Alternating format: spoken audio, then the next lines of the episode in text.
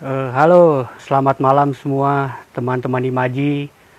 Uh, kembali lagi bersama gua Aryo Rubik uh, sebagai hostnya Ruang Imajinasi Film.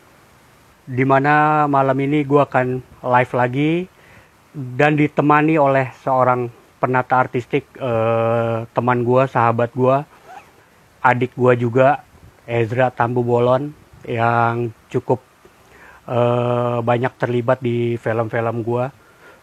Kita akan bicara tentang uh, temanya Miss apa Miss Ongsen. Nah apa apa itu Miss Ongsen? Nanti kita ngobrol-ngobrol sama Ezra ya. Kalau gue jujur udah lupa semua sih, udah lupa tuh. Ya, inget-inget. Cuman biar biar beliau aja yang menjelaskan secara dia sebagai uh, penata artistik, beliau juga uh, pengajar di IKJ. Jadi nanti kita ngobrol-ngobrol aja.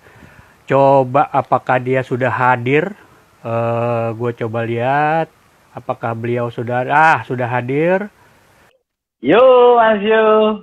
Yo, masuk suara gue lah Masuk dong. Oke. Sehat ya? Sehat. Mantap, alhamdulillah. Thank you nih sebelumnya uh, udah udah menimaci untuk live uh, ngobrolin seputar dunia tata artistik. Ya. Uh, dengan dengan temanya Miss Angsen. Ribet ya. Yup. gitu. Uh, kemarin sempat ngobrol kita Ezra pakai tema apa nih? Tapi akhirnya diputuskan temanya uh, ini mungkin juga banyak teman-teman yang belum ngerti nih Zra uh, masalah uh, misalkan bisa sedikit lu gambarin nggak Zra? Oke, okay. uh, Miss Hansen ya. Sebenarnya sih uh, apa? Kalau Miss Hansen itu sendiri gara-gara istilahnya aja kali bahasa Prancis jadi agak aneh sebenarnya sih kalau kita sebenarnya paham. Sebenarnya kalau kita nonton film kita berasa apa itu otomatis uh, apa ya logika. Kalau kita nonton film kan pasti jalan nih logika kita kan. Sebenarnya di Sansen itu kita bisa rasain. Itu pasti kita rasain uh, setiap setiap kita menonton ya kalau di Sansen itu. Cuman gak ada istilahnya Prancis jadi agak asing gitu ya. Sebenarnya misansen itu sih kalau definisinya Mas Yo itu segala sesuatu yang terlihat di dalam layar. Hmm, ya. oke. Okay. Gampangnya ya, seperti itu ya. Defini gampangnya seperti itu. Definisinya emang ya. itu di misansen. Segala hmm. sesuatu hmm. yang terlihat dalam layar. Cuman memang uh, karena namanya aja udah segala sesuatu yang terlihat di dalam layar otomatis itu udah pasti uh, pekerjaan dari departemen tata artistik ya. Makanya itu juga kalau di film-film Prancis tuh pasti uh, tim artistik tuh kalau di kredit title itu pasti bilangnya misanten gitu ya. Iya ya iya. Jadi oh, kalau okay. misanten itu uh, uh, segala sesuatu yang terlihat di dalam layar. Nah cuman misansen ini uh, misansen ini kan ada empat, ada empat unsur misansen, Mas Yo. Ya kan? Hmm. Uh, ada empat unsur misansen. Itu dia unsur-unsurnya itu ada empat. Yang pertama itu setting, ya. Hmm. Ada setting, ada lighting, ada kostum dan make up. Terus yang terakhir ada ekspresi dan gerak figur. Nah, okay. kalau ekspresi dan gerak figur itu kan kalau di dalam film itu ada di dalam teritori penyutradaraan ya. Terus hmm, hmm. kalau uh, setting, kostum dan make up dan lighting itu ada di dalam tata artistik ya. Cuman lighting yang ada dalam tata artistik ini dia hanya bersifat practical light. Ya, jadi uh, hanya sumber cahayanya aja. Hmm, Seperti ya. itu, Mas Yo. Oke. Oke, nanti nanti kita jelasin lebih detail lah ya. Sekalian nunggu pertanyaan-pertanyaan ya. dari teman-teman nih. Uh, ya. uh, buat gambaran aja buat teman-teman juga yang udah gabung nih ada Bram ada Muti Muti juga gabung Sabtu juga udah gabung Ton Yoho. uh, gue nggak berhenti berhenti mengingatkan bahwa uh, live IG ini sebenarnya lebih ingin uh, pertama ingin berbagi yang kita bisa bagi sebagai senias sesuai job desk kemudian juga pengen menceritakan pengalaman-pengalaman perjalanannya uh, teman-teman sih gitu loh. Kan gini banyak uh, di luar sana teman-teman ingin menjadi seorang filmmaker uh, pengen jadi senias pengen jadi sutradara director uh, tapi uh, mereka bingung nih gitu. Nah, uh, dengan adanya ini Rif uh, berharap bisa sedikit memberi gambaran lah tentang perjalanan-perjalanan masing-masing departemen. Gitu ya. sih. Suara gue jelas nggak? Mantap. Jelas jelas mas Yu uh, soalnya FD gue bilangnya putus-putus nih masih jelas, masih jelas. Uh, masih jelas ya. Oke, okay, Le. Uh, uh, seperti biasa, semua bintang tamu gue persilakan untuk menjelaskan perjalanan proses dia sampai menjadi seorang uh, penetar. Lu kan IKJ okay. juga lah ya? Ya, IKJ Mas. Ya, oke, okay, lu ceritain deh, Le. Waktu dan tempat silakan. proses ya. Sampai bisa ke penata artistik ya. Jadi zaman gue kuliah itu gue emang udah ngambil minat utama tuh mayor gue tata artistik. Tapi bisa dibilang gue tercemplung awal-awal banget itu di artistik itu. Awal-awalnya tersesat gue awalnya tersesat. Tapi untungnya tersesat di jalan yang benar Ya.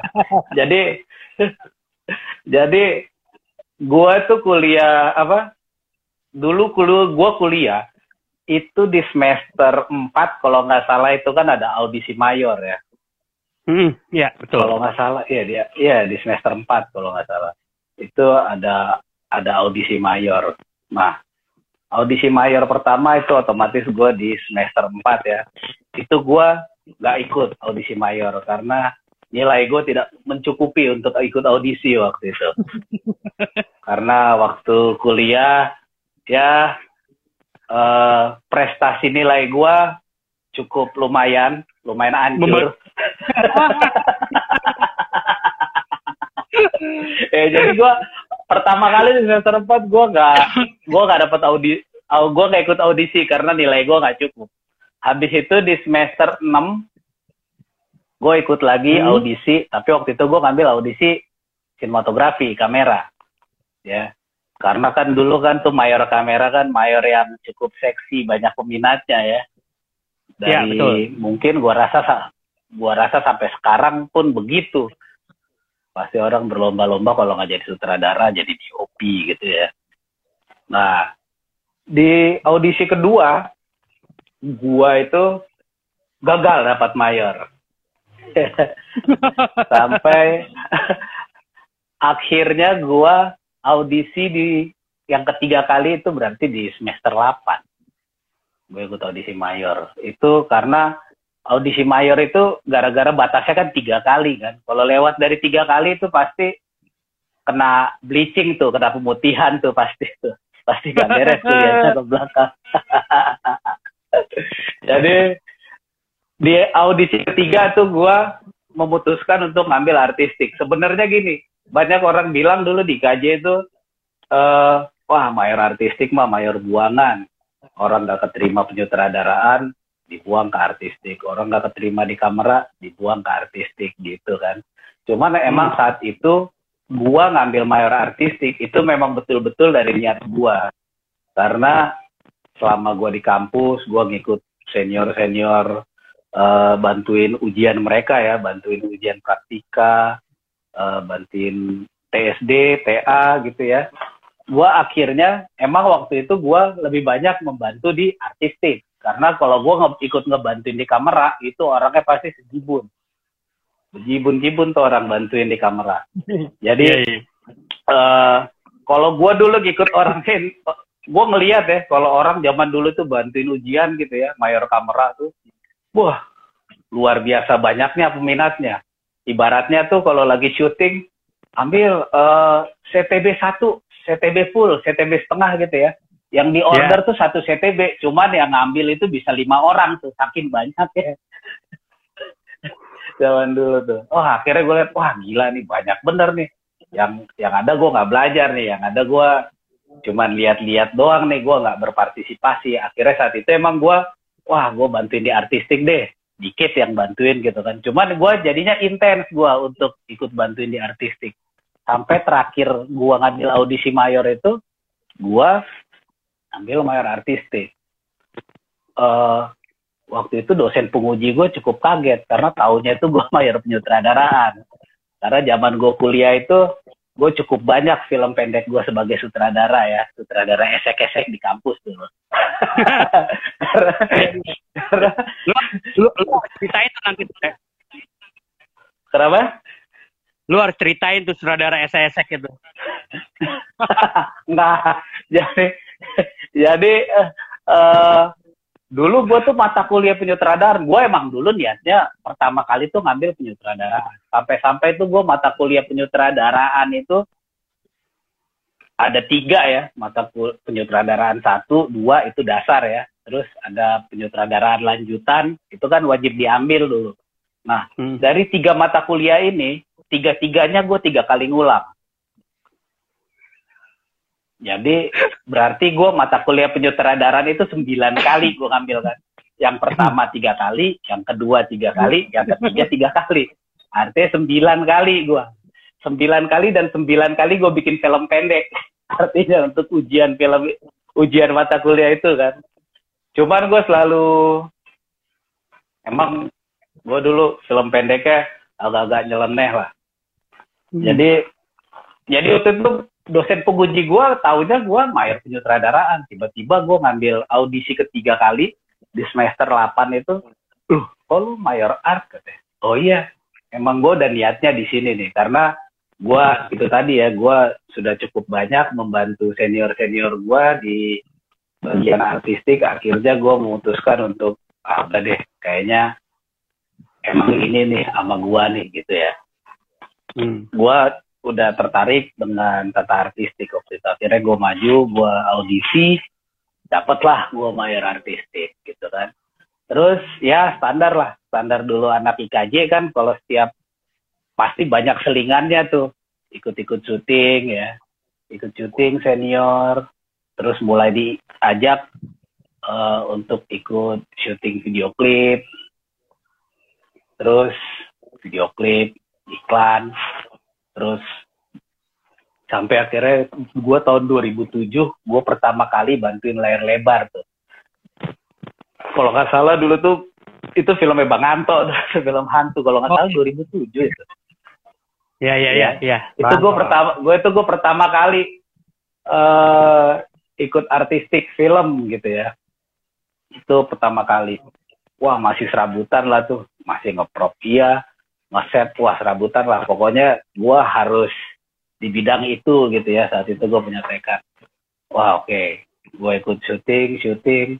Terus uh, akhirnya singkat cerita itu gue ikut-ikut orang tuh ya semasa kuliah sampai 2010 kan. Sampai 2010 lulus kuliah gue memutuskan kayaknya gue cukup deh gue ngikut orang gitu kan. Jadi di 2010 itu gue memutuskan oke okay lah gue pengen megang sendiri deh. Menurut gue saat itu ah kayaknya gue cukup nih ikut orang gitu kan. Gue yang ketakutan gue saat itu wah gue kalau kebanyakan ngikut orang kayaknya gue akan ngikut terus nih gue nggak pernah megang gitu kan. Di 2010 gue memutuskan oke okay, gue kuliah udah lulus gue gue harus bisa megang sendiri gitu lah wah awal-awalnya tuh cobaannya lumayan banyak ya. Cobaannya mah cuma satu sebenarnya, nggak ada job. ya. Jadi gue tuh, ya, wah, hampir setahun Mas Yo. Hampir setahun. Gila nih gue bilang. Gue kerja apa nih? Gue sampai akhirnya gue sempet agak-agak putus asa. Wah, kayaknya gue harus apply kerjaan ke TV nih. Gue bikin-bikin lamaran gitu ya. Sampai gue masuk-masukin lamaran. Sampai akhirnya tuh 2010 gue diajakin syuting tuh syuting film pertama gue itu film pertama gue itu dulu FTV Mutiara Hitam itu sama Bang Ajau sama Bang oh. Yudi Datau Bang Yud ya oh, nama Bang Yud itu pertama kali gue megang film.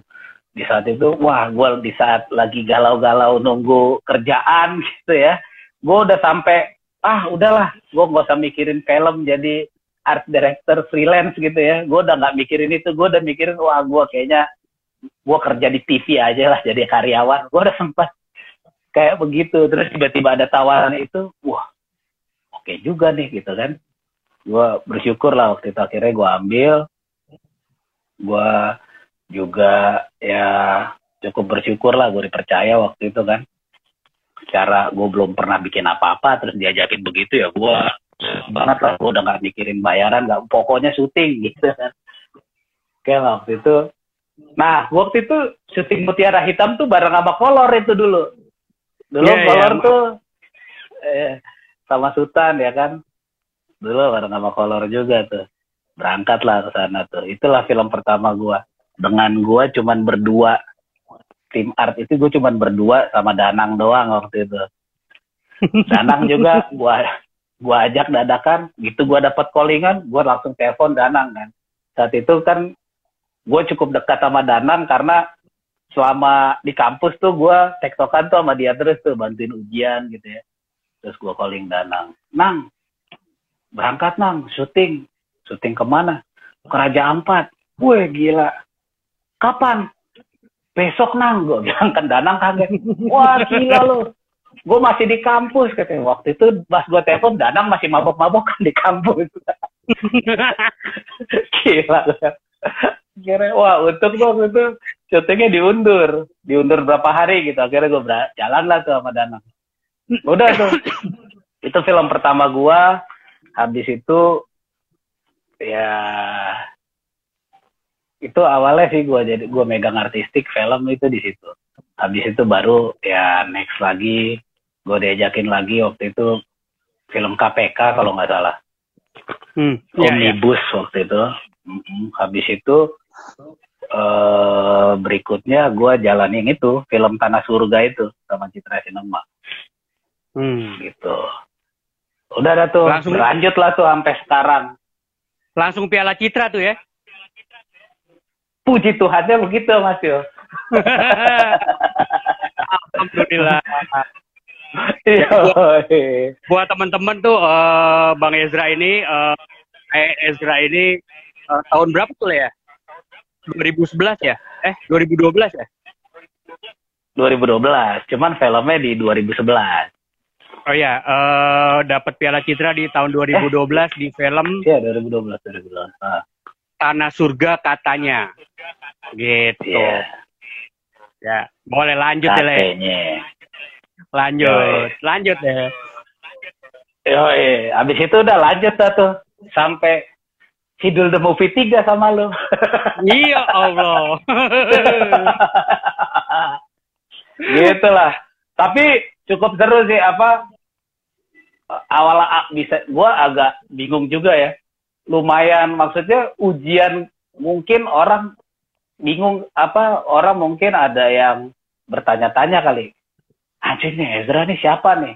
Kok udah pegang film gitu? Penata artis ini siapa ya? Gitu. Cara gue sebenarnya hitungannya gue nggak gue bisa dibilang eh, nggak uh, begitu banyak ikut orang kali ya. Gue yeah. dulu ikut orang itu sama Vida Vida dulu gue beberapa kali cukup sering dulu gue sama Vida sih ngerjain video klip gitu ya. Gue ngepropin dia terus uh, jalan film juga pernah sama Vida terus gua pernah ngikut uh, Bang Anto waktu itu ya walaupun dia sebagai sutradara merangkap penata artistik waktu itu ya Bang Anto. Habis itu sama Iwen. Iwen waktu itu gara-gara dia production designernya art director Vida jadi gue ya gue pernah ikut Vida Iwen Bang Anto.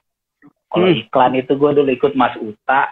Sama Beni pernah Beni Mukas udah Oh, sih. Benny Muka, itu aja. Benny, Benny. Lauda. Denny Lauda. Hmm. gitu. Udah sih. Gue mungkin orang wah ini gue jarang berkeliaran juga kan waktu itu di dunia industri kan. Jadi nggak Hmm. begitu kenal banyak orang juga. Cuman tiba-tiba gue megang gitu ya gue juga ngerasa gila nih gue belaga gila aja sih awal-awalnya. Dan ah, ya untungnya sih masih bisa bertahan sampai sekarang. Jadi film awal-awal film gue itu gue apa ya itu agak agak goks juga sih secara tim ya film pertama gue Hmm. gue yang sama bang Ajau itu ya gue cuman berdua gitu ya. Anak art terus film eh, tanah surga itu ya gue tuh cuman berlima. Oke. gue tim art itu cuman berlima. Cuman gua gua Sarton Gembong terus ada dulu Cesar. Apa tuh lagi ya? Ojeng kalau nggak salah. Oh gue cuman berlima deh. Film Tanah Surga itu jadi Hmm. gue juga bingung gue mengawali karir gue sebagai penata artistik dengan tim yang nggak proper sebenarnya secara jumlah lo agak aneh juga agak ajaib sih agak ya cuman ya belaga gila aja sih Iya, Ya iya. kan? iya. ya Iya, kan? jalanin aja sampai sekarang sekarang ya seiring berjalannya waktu gue belajar gitu ya tentang apa itu job desk gimana untuk membuat tim. Akhirnya ya sambil berjalannya waktu gue sambil belajar sih. Dan sampai sekarang pun gue masih belajar gimana caranya Hmm. untuk membuat sebuah tim artistik yang cukup tangguh. Itu gue masih ngulik sih sampai sekarang. Ya, ya, ya, ya eh, itu sih eh, menariknya, menariknya eh, kita ya, Le, teman-teman. Mm-mm. eh, kadang ngelihat kita, orang-orang ngelihat kita itu sekarang, padahal kan perjalanan kita tidak semulus yang orang-orang kira ya. Iya betul Mas Yul. ya namanya hidup lah. Banyak Ya. permainan. Banyak permainan. Yo. Iya, iya. Oke, Le. gitu Bisa, oke. Di Tanah Surga bisa diceritain nggak deh proses kreatifnya seperti apa, Le? Eh, mungkin teman-teman mau tahu. Eh, kalau proses kreatifnya sebenarnya sih sama ya dengan eh, dengan eh, proses yang pada umumnya. Ya kita mulai ya dari skenario datang kita baca, terus kita mulai eh, riset kecil-kecilan ya dari googling, googling dari sumber mana aja lah. Kita harus cari-cari referensi dulu, kita coba analisa. Maksudnya eh untuk kebutuhan artistik yang sesuai dengan penceritaannya seperti apa gitu ya. Jadi kita Hmm. harus riset dulu, kita cari referensi-referensi setting, properti, kostum, make up, gimana yang apa, yang sesuai. Kita cari referensi, habis itu waktu kita reki, ya kita hunting sekalian reki. Nah di situ baru gua memperdalam riset gua kan karena udah kita udah langsung datengin ke titik-titik lokasinya gitu saat itu kan tanah surga ceritanya tentang perbatasan di Kalimantan ya jadi Hmm. gua juga secara riset sebenarnya dari Reiki masih kurang karena kita Reiki itu hanya di sekitaran Kalimantan ya. Walaupun sempat awal-awal banget Reiki itu kita sampai ke benar-benar ke perbatasan sih. Waktu itu perbatasannya di Putu Sibau waktu itu kita.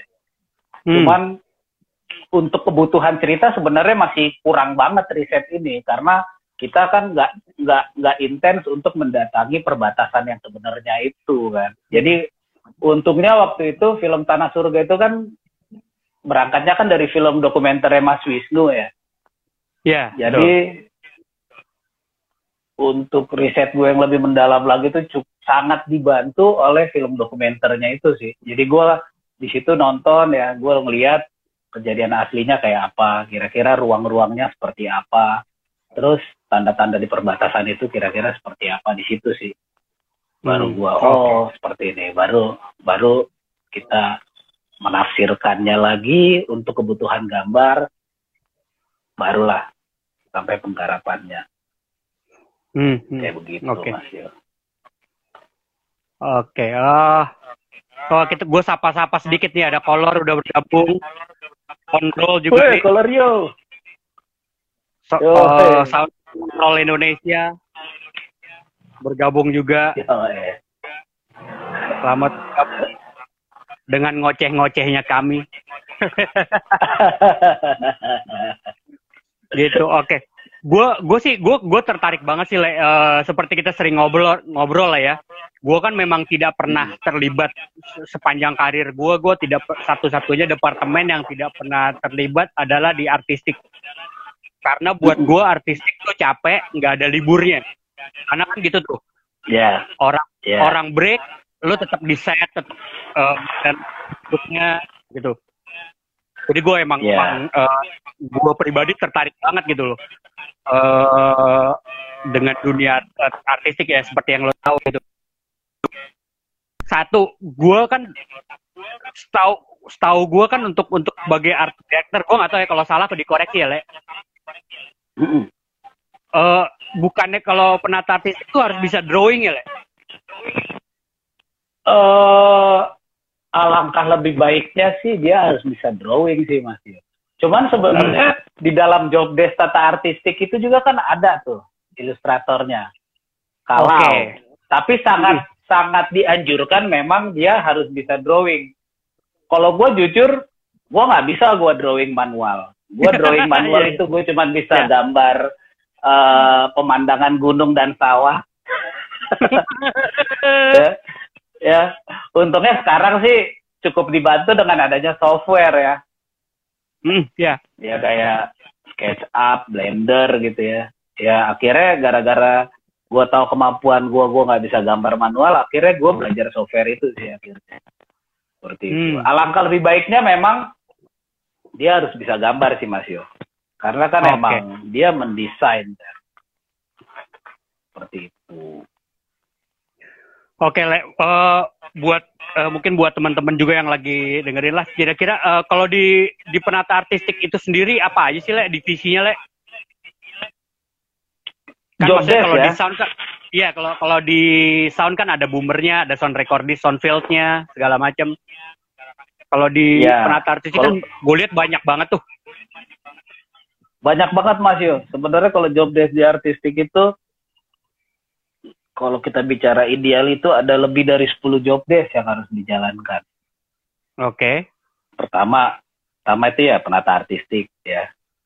Terus ada asisten. Lalu ada prop master. Terus prop master ini bercabang lagi, ada property buyer, ada property maker. Ya, terus ada set dresser. Terus ada art grafis. Ada art Ya. finance. eh ada set builder, terus efek, ya. Ya. Eh, jadi sebenarnya apa seiring perkembangan, emang job desk job desk di dalam tata artistik ini semakin banyak sih, semakin apa, semakin luas sih, karena kebutuhannya mungkin semakin bertambah ya. Akhirnya job desk job desk itu makin nambah lagi kayak ternyata ada art grafis gitu ya. Hmm. Jadi kalau lobangnya itu sebenarnya dia tuh ada sekitar penata artistik, asisten, eh, prop master, prop buyer, prop maker, set dresser, art grafis, art finance, set builder. Apalagi ya? Eh, Ada yang bisa bantu ngingetin guys, Sarton, Sarton, apalagi Sarton. ya itulah. Nah, yang menariknya di artistik ini, Mas Yo, ya. uh, kalau kita bicara ideal kan banyak banget ya uh, job desk yang harus diisi di dalam tata artistik ya, ya kan? Tetapi hmm. yeah. kondisinya, kondisi produksi kita terkadang itu nggak mungkin kalau kita mengadakan istilahnya satu job desk itu satu orang secara ideal ya kan hmm. jadi akhirnya ya. jadi akhirnya memang di dalam anak di dalam apa kru artistik itu dia harus bisa memegang minimal dua job desk. Satu orang itu dia minimal memegang dua job desk. Misalkan dia sebagai prop master dia sekalian sebagai set dresser juga ya. Mungkin dia art ya. grafis dia bisa sebagai art finance juga gitu ya. Karena pada akhirnya kayak ya contohnya aja contoh kasusnya ya kayak gue di film di film pertama dan kedua gue tadi ya Mutiara Hitam dan Tanah Surga di Mutiara Hitam itu gue cuman berdua gitu ya terus di film Tanah Surga gue cuman berlima sedangkan job desk itu ada ada sekitar 10 job desk yang harus diisi oleh lima orang ini seperti itu. Hmm. Jadi misalkan gua gua penata artistik gitu ya. Ya gua merangkap sebagai set dresser juga, gua merangkap sebagai set builder juga. Hmm. Gitu. Artinya dalam tata artistik itu untuk ideal itu harus job desk job desk tadi itu harus diisi. Hmm. Nah, sekarang uh, yang gue bilang tadi di awal gimana gue selalu belajar untuk menciptakan tim artistik yang solid itu ya untuk mengisi kekosongan job desk ini Mas Yo. Akhirnya ya. gue seperti main puzzle. Gue harus bisa mencari orang. Gue harus melihat orang itu. Jadi gue nggak hire orang itu sesuai. Gue harus lihat dulu kapasitasnya.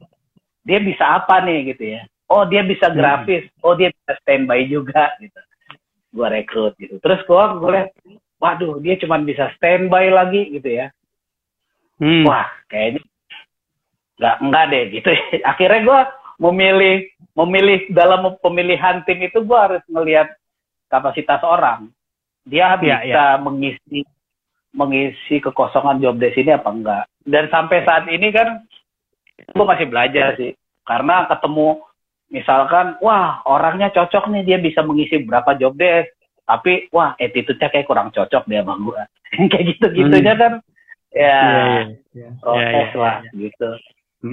Belum kalo negonya kalau kita mau iya belum negonya. Sebenarnya kan kalau kita bicara bicara ideal kan gimana caranya? Yang namanya supaya ideal satu job desk ini kan harus diisi oleh satu orang biar fokus. Iya betul tetapi untuk kondisi ya sampai saat ini sepengalaman gue dari beberapa film yang gue kerjakan, gue belum pernah menemukan yang ideal sih untuk satu orang itu satu job desk gitu. Hmm, siap, gitu siap, sih. siap. Oke, gitu. oke, oke.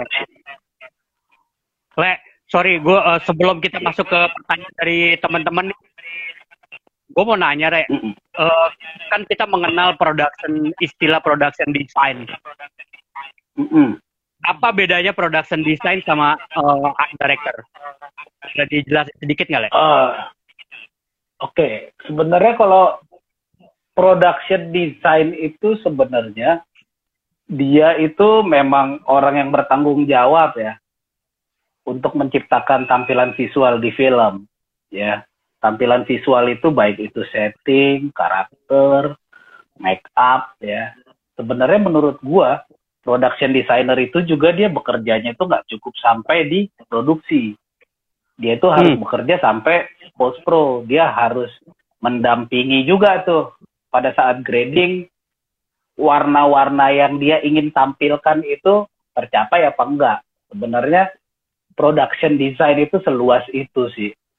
Ya. Cuman kalau ya. sekarang ini kan uh, di kita hampir jarang ya. Gue juga mungkin beberapa film menurut gua ya, menurut subjektif gua, kayaknya emang agak aneh juga nih dengan penempatan posisi production design. Nah, terus kalau art director sebenarnya production design seluas itu sih masih menurut gue. Dia yeah. seluas itu. Tapi terus sedangkan art director itu sebenarnya kalau menurut literaturnya ya production yeah, yeah. design baru art director gitu ya. Kalau art director itu dia emang dia emang orang yang profesional di bada, di bidang rancangan tata artistik. Dia tugasnya itu merencanakan dan membuat gambar-gambar yang di, yang sudah didesain oleh seorang production design. Hmm, Jadi sebenarnya okay. art director itu eksekutor. Ya, production ya, ya. design itu dia uh, dia inspiratornya lah kalau production design. Kalau art director itu lebih ke eksekutor sebenarnya. Cuman kan hmm. di kita itu kan sedangkan di kita itu kan kayak kostum dan make up itu kan ya sudah seperti berjalan sendiri gitu ya. Pada akhirnya memang jarang di film kita menggunakan job desk production design. Ada sih beberapa film. Ya film-film besar terutama biasanya lah Iya, iya betul film-film besar Mas Yo. Kayak Wiro Sableng gitu ya. Oke, itu Bang Anto ya. Dia emang production design karena dia merancang semuanya kan. Jadi lingkup yeah. kerjanya sih Mas Yo. Production yeah. design itu dia seluruh tampilan visual itu dia yang punya otak gitu. Hmm. Sampai yeah, ke kostum, bener. make up gitu, sampai ke warna detail gitu ya gitu sih. Oh iya, color palette gitu-gitu le, le, color palette. Iya, color palette, betul. Gitu sih. Dan memang menurut gua sih, ya nggak banyak ya kalau di Indonesia ya yang udah layak menjadi production design tuh. Ah, ah. Kayaknya nggak nyampe dari tiga orang deh. Iya iya. Ya gue juga uh, eh, gue melihat ya kalau kalau gue sih ya tahu ya kalau gue ngerasa kayak Bang Anto iyalah oke. Okay. Iya. Uh, Bang Anto Sinaga gitu bahkan uh, Bang Iqbal Marjono aja dia dia malas tuh di production design tuh dia sering ngobrol sama gue tuh gue males banget ya di production design kayak gitu iya karena emang berat banget berat berat itu iya, emang iya, iya, iya. itu yang berat gue kan pernah waktu bebek blur itu kan uh, production desainnya bule le. Sutradaranya bang Anto yeah. tuh. Ya emang emang dia nggak desainnya pas di persiapan aja. Pasti persiapan syuting tuh datang juga jarang. Udah art directornya yang flownya yang jalan. Cuman dia ngedesain yeah. semua apa segala macem. Dan di post muncul lagi baru. Iya. Iya iya iya gitu ya, paham gua Ya, eh, buat teman-teman ya itu gambaran sedikit pro, uh, kalau teman-teman lihat di di kredit title atau di opening title ada production design kurang lebih gambarannya seperti itu. Uh, Efron bisa... Daniel Manurun. Nah, teman Euk. Yo. Selamat bergabung. Yo, Efron. Oke, Le. Uh, gue gue sedikit masuk ini udah ada ada ada ada pertanyaan untuk uh, ya gimana mas yo? Ini ada dangdutan nih. Kleng. oh yo ada ondel-ondel lewat. Yo ini masih ada. Maklum lah. Kalau minggu kemarin kan emang tahun men jadi silent itu. Oh iya iya iya iya iya iya.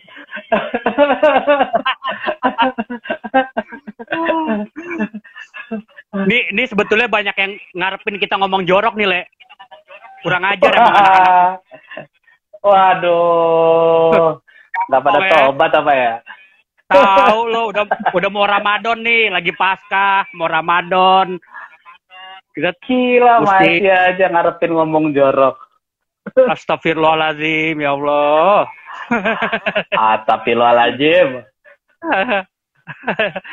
le, uh, gua ma ya. gua gua coba masuk ke pertanyaan le ya. Ya. Ini ada dari Paul, uh, uh, dari Kiki, Kiki Mutiara Rizky nih. Oh hey Kiki, oke. Okay. Uh, di unsur uh, Miss Miss Ansen Miss Miss Angsen itu kan uh, termasuk ada acting, ada blocking aktor. Iya. Uh, sejauh mana seorang art director membahas hal terkait bersama dengan sutradara? Gini, nah di dalam set di dalam setting, dia, dia bicara kan di dalam setting ya. Ya, ya. Oke. Okay. Setting itu fungsinya kan ada enam Mas Yo. Oke. Okay. Dia bisa sebagai informasi tempat, informasi waktu, informasi status sosial, dia penunjang look dan mood, terus pendukung motif tertentu sama pendukung aktif adegan. Jadi kalau hmm. si uh, Kiki tadi bilang gimana kaitannya penata artistik dengan sutradara dengan blocking gitu ya. Artinya blocking pemain itu kan setting itu dibutuhkan sebagai pendukung aktif adegan. Mm Ya kan? Uh, itu dibicarakan pada saat kita ini sih, pada saat kita Reiki sih. itu dia jadi udah jelas kan kalau kebutuhan setting itu kan udah biasanya itu kan udah ada dalam deskripsi skenario ya. Iya. Yeah, uh, apa uh, apa contohnya ya? Contohnya film Dul deh. Ya yeah, kan? Dul aja Dul. Iya, yeah, si Dul gitu ya. Kartubi lagi nurunin burung, tiba-tiba mobil datang gitu ya. Sarah turun dari mobil gitu ya. Hmm. Oke, itu kan gimana sih kita untuk uh, tektokan antara penata artistik dan sutradara menentukan blocking kan otomatis ya kita lihat dulu ruangnya seperti apa gitu kan terus logisnya mobil itu akan melewatinya dari mana gitu kan geografis ruangnya harus jelas dulu ya kan geografis nah. ruangnya itu harus jelas dulu contoh kita kayak kasus film Sidul deh itu kan kita establish depan itu kita nggak pernah uh, explore kan pokoknya itu cuman arahnya itu depan rumah dul ada plan. Haji Jairin iya kan iya, iya. kanan kirinya kan kita nggak tahu tuh kanan kirinya apa ya gitu kan kita nggak pernah ceritain ya. gitu kan nah hmm. kita harus bentuk dulu geografis ruangnya hmm. jadi kira-kira yang logis akan datang dari mana si mobilnya jadi ya. yang paling awal itu emang geografis ruangnya dulu sih Mas Yu ya. yang harus ya arti artinya memang komunikasi antara director dengan art director atau penata artistik emang mesti kuat banget ya Le ya? Oh iya, harus lah Mas Yo. Kan ya. kerja sama. Iya, bukan sama-sama kerja. Iyalah. gitu. Oke. Okay. Ya, ya, ya, ya, ya. Ya ini belum lagi kita ngomong ke pencahayaan ya, Le. Karena kan di ya, dalam betul. Miss Ongsen itu kan ada ada pencahayaan juga kan masih komunikasi dengan DOP dengan Gaver segala macam ya Iya betul Mas Yo ya kan eh tadi kan lu bilang uh, kalau dari departemen artistik menyiapkan source source-nya misalnya camber lamp atau particle light sejenisnya nanti dari situ baru yeah. diskus sama tim lighting dan DOP ya Iya, betul. Hmm. Ya. ya, jadi dalam juga lah ya sebetulnya kalau untuk penata harus paham banyak. Iya, karena itu harus Mas Yo. Karena sebenarnya gini sih, artistik itu dia sebenarnya bukan sekedar uh, merancang atau membuat setting sih. Di dalam hmm. di dalam penata artistik menciptakan sebenarnya penata artistik itu kan dia kerjanya itu sebenarnya membang, membangun informasi, Mas Yus. Membangun informasi sehingga informasi tadi itu bisa menjadi logika pada penonton, menciptakan informasi-informasi untuk membentuk logika yang logis buat penonton. Nah kayak tadi tuh, kalau fungsi setting itu itu kan ada dia informasi tempat, informasi ya. waktu, ya. informasi status sosial. Dia tuh sih informasi, ya. informasi dan informasi, ya kan. Jadi ya. penata artistik itu emang dia harus membangun informasi itu. Jadi informasi itu yang dibentuk sehingga penonton yang ngelihat, oh logika logikanya dapat. Contohnya kayak misalkan Sarah datang gitu ya di film Dul ya. Tokoh Sarah datang dia pakai properti mobil Camry gitu ya. Kalau hmm. dalam deskripsi skenario kan kartu B pada saat kartu B nurunin burung di taman di halaman rumahnya tiba-tiba mobil datang dan turun si Sarah atau Rebong gitu ya. Di ya. dalam skenario itu kan dia hanya mobil gitu ya. Deskripsinya itu kan hanya mobil. Nah, tugas seorang seorang penata artistik itu nggak cuman sekedar mikirin oh mobil. Berarti kalau cuman mobil buat taruh mobil Avanza bisa dong kan mobil juga. Contohnya hmm. gitu. Cuman kan kita ya. harus lihat kira-kira mobil Avanza cocok gak ya buat karakternya. Kira-kira ya. mobil Avanza menginformasikan status sosialnya nggak? Kira-kira kayak begitu sih Mas Yo. Jadi ya, memang ya. penata artistik itu dalam menciptakan apa, dalam menentukan setting, menentukan properti dia harus lihat uh, kira-kira informasi informasi-informasi tadi itu uh, akan membentuk logika nggak kepada penonton kayak begitu sih Mas Yo. Hmm. Oke oke oke. Siap siap siap ya. Mudah-mudahan Kiki terjawab ya Ki. Jadi pada prinsipnya ya penata artis komunikasi penata artistik sama director, sama DOP, sama departemen-departemen lain memang komunikasinya harus terjalin dengan baik. Itu ya intinya lah ya. Hmm.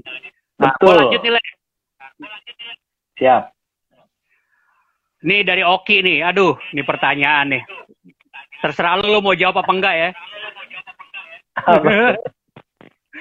Saya mau tanya sama, sama laiku, apakah masih suka naik meja sambil hormat dengar lagu, dengan dengerin lagu Indonesia Raya?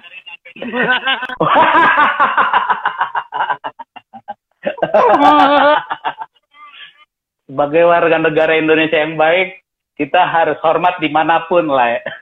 Iya. di atas tiang bendera sekalipun kita naik, kita hormat.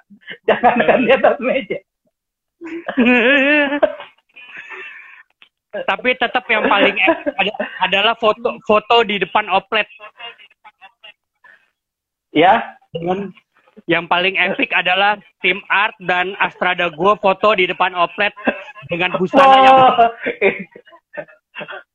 itu top. Jadi kalau di sini kalau kalau di sini ada yang tanya kenapa Sidul bisa laku, nah, gara-gara foto itu sebetulnya. Itu dia 1,8 juta. Di dulu sama tiga kita nggak lakukan itu.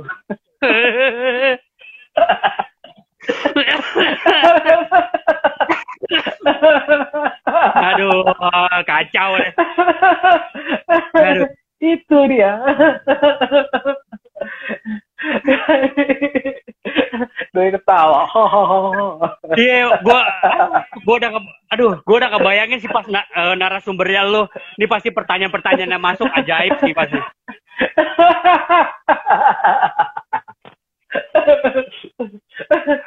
ngarepin, ngarepin yang enggak enggak pasti. iya, iya. Aduh. Oke, oke, Le. Uh, gue dikit, gue dikit lanjut ya, Le. Ya. Hmm, untuk wardrobe dan makeup itu kan uh, masuk ke dalam unsur uh, onsen ya. Ya. Nah itu itu dia itu termasuk departemen artistik atau departemen terpisah? Dia. Ini pertanyaannya sebenarnya... pertanyaannya dari pertanyaannya dari Safira Hamzah. Oh ya. Jadi kostum dan make up itu ada dalam departemen tata artistik, Mas Yo. Gitu. Dia itu ada hmm. dalam departemen tata artistik. Cuman memang kenapa di kita akhirnya job desk-nya itu art director bukan production design. Nanti bikin hmm. seolah-olah terpisah. Tapi sebenarnya walaupun dia job desk-nya penata artistik, kostum dan make up itu memang dia harus berkonsultasi dengan penata artistiknya. Karena itu berkaitan dengan setting, ya. Setting itu ya di situ dia kita ngomongin warna, kita ngomongin desain yang cocok, dan segala macamnya. Jadi dia itu bahkan ada sampai, di departemen tata artistik. Iya. Uh, bahkan sampai bahan ya, le, bahan bajunya apa segala macam. Betul Mas Yo. Hmm, Betul siap. banget. Ya. Jadi uh, Safira Hamzah uh, kurang lebihnya prinsipnya make up wardrobe itu masuk ke departemen tata artistik. Memang aplikasinya mereka di di hire dibayar uh, di luar departemen tata artistik. Seperti itu ya. Ya, deal-dealannya memang bukan di departemen art, tetapi dia itu dia bekerja harus di bawah koordinasi departemen tata artistik. Hmm.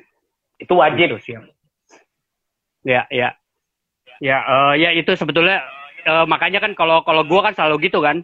Uh, kalau present wardrobe pasti gue minta lo hadir ikra sebagai DOP, yeah. DOP juga hadir karena untuk menentukan warna, untuk menentukan bahan, color juga sound gitu ya, sound karena bahan, bahan itu kan bisa melalui audio juga soalnya kan. Iya, betul Mas. Hmm.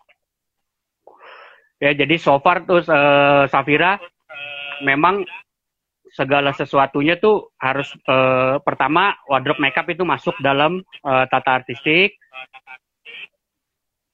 Tapi dalam dan yeah. menentukan makeup dan wardrobe itu hubungannya ke banyak departemen, bukan hanya tata artistik Betul. sendiri.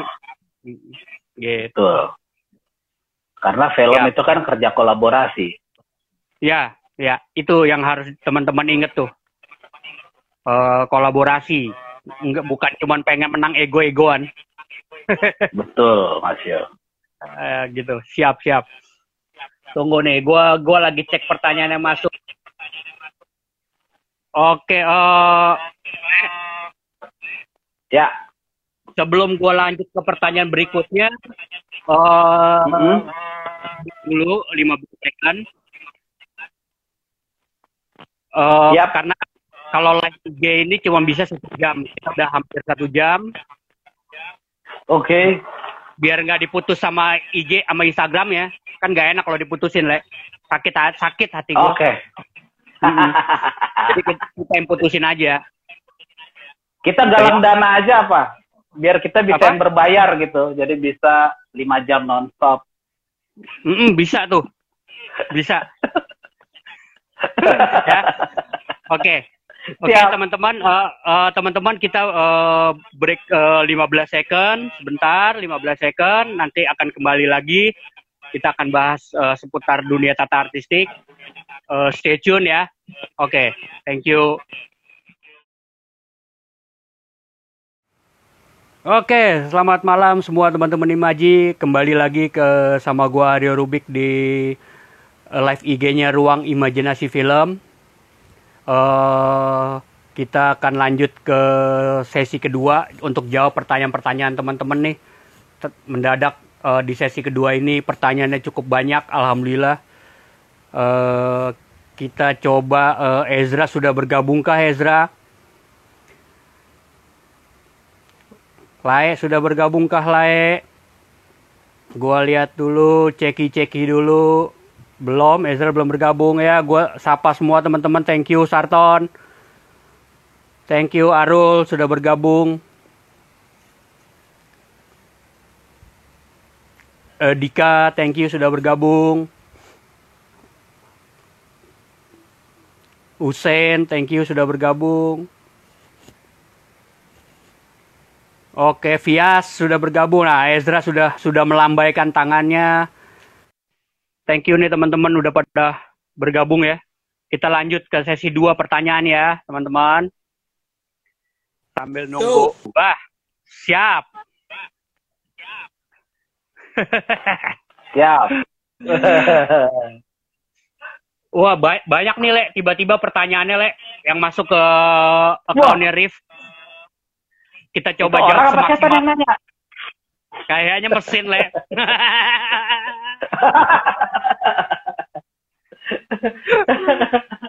Oke.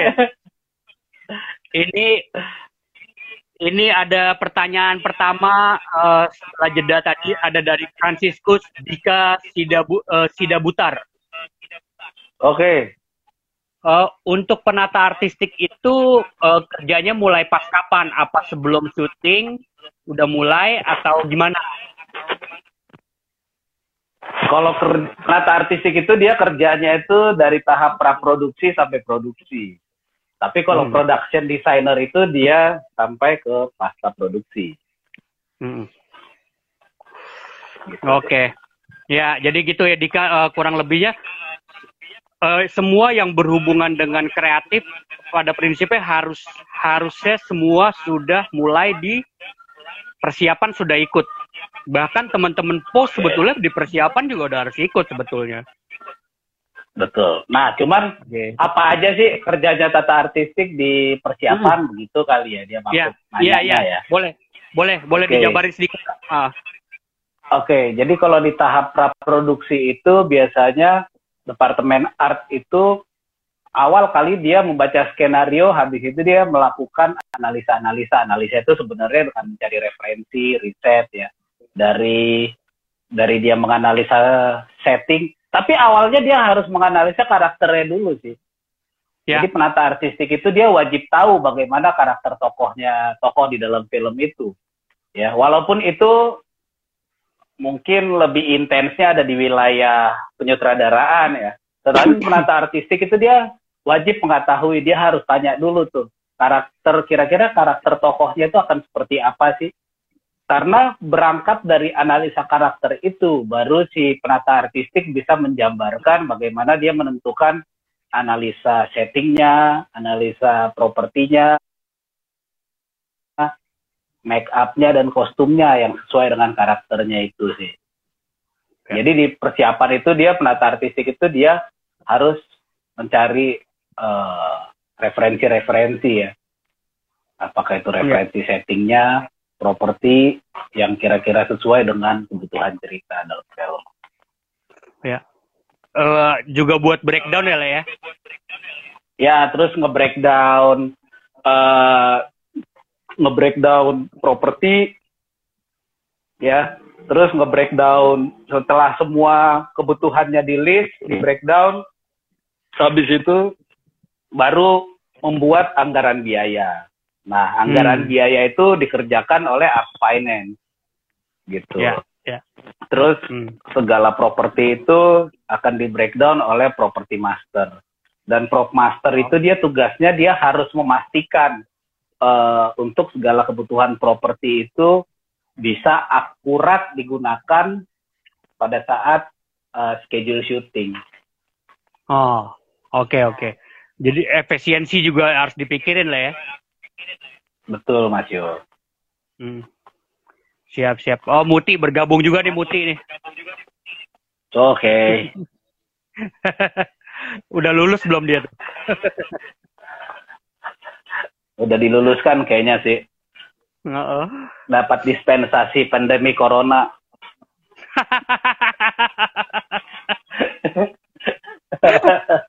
Iya iya iya. Iya. Oke Dika, eh, jadi tadi Francis Dika, jadi penata artistik itu harus mulai dari persiapan sudah berikut. Nah backbone semua Ya. departemen apa pun di departemennya adalah eh, skenario. Betul. Kitab sucinya. Kitab sucinya skenario, nanti dari situ baru ada diskusi-diskusi dengan departemen-departemen terkait seperti ke sutradara, eh, DOP, departemen kamera, penata cahaya, wardrobe, make up, seperti itu ya. Ya, Oke, kita lanjut nih, Le. siap. Eh, dari yuke.sit, Mm-mm. emang idealnya kru di departemen tata artistik itu berapa orang? Tadi udah sih, cuman mungkin boleh disebutin lagi kali, Le. Oke, untuk idealnya itu sebenarnya eh kalau kita lihat dari lubang job desk-nya itu kan ada art director, ada asisten, ada set dresser, prop master, art finance, grafis, set builder, special effect.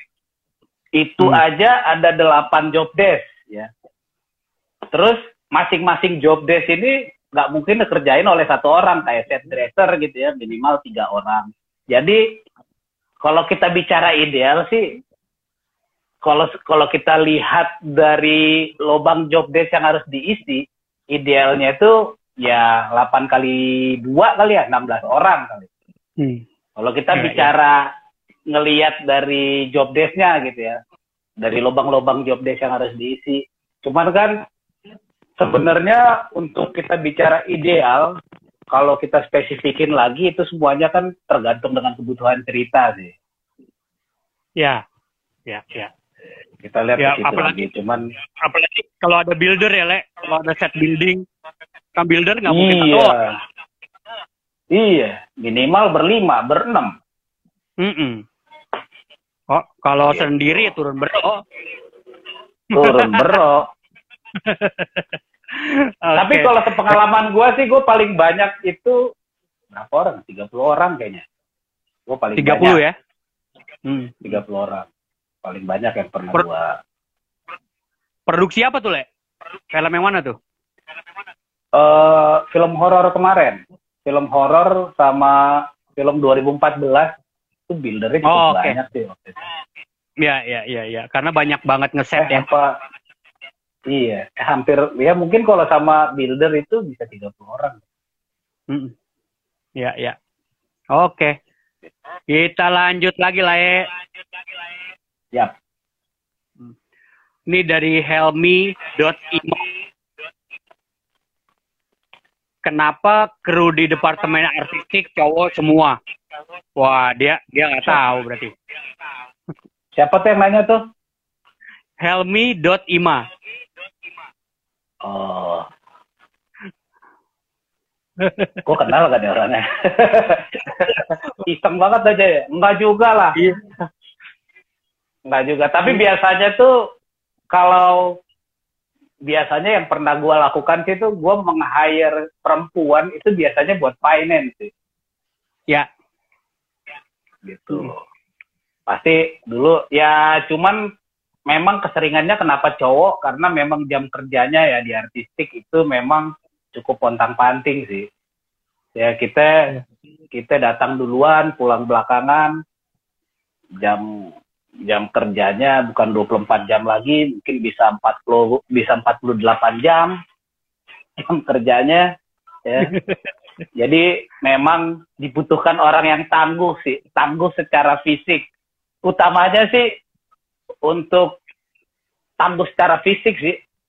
Mm. Habis itu barulah tangguh secara skill. Yang pertama fisik dulu sih.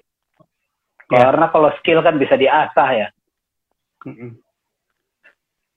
Ya, kalau buat gambaran aja kalau di buat Helmi di Indonesia tuh art, uh, art director cewek juga udah ada, ada Frida tadi kita udah sebutin. Iya, ada banyak. Ada Ada ada banyak Frida, sih. Ada banyak ya? beberapa lah. Ada beberapa, terus Iya. juga gue kenal ada Asi, Iya, asih. ya kan? Oh, Meti yang Cina, sekarang. ya kan? Ah iya, NG Cina. Banyak eh, memang ya dunia film ini emang mayoritas diisi oleh lanang. Bukan hanya iya, lanang. Karena oh, oh. dan kebetulan memang kerjaan artistik itu emang kerjaan yang cowok banget sih. Yoks. Emang harus cowok. Ada beberapa job desk memang ideal untuk diisi oleh perempuan. Kayak Hmm. misalkan finance, dre- set dresser. Mungkin itu buat perempuan masih oke lah. Mm-mm. Kalau kata Muti, tangguh secara mental juga. Oh iya dong. Kalau kita kalau tangguh secara mental mah mau jadi pengemis juga harus tangguh secara mental. Nggak mesti jadi anak art.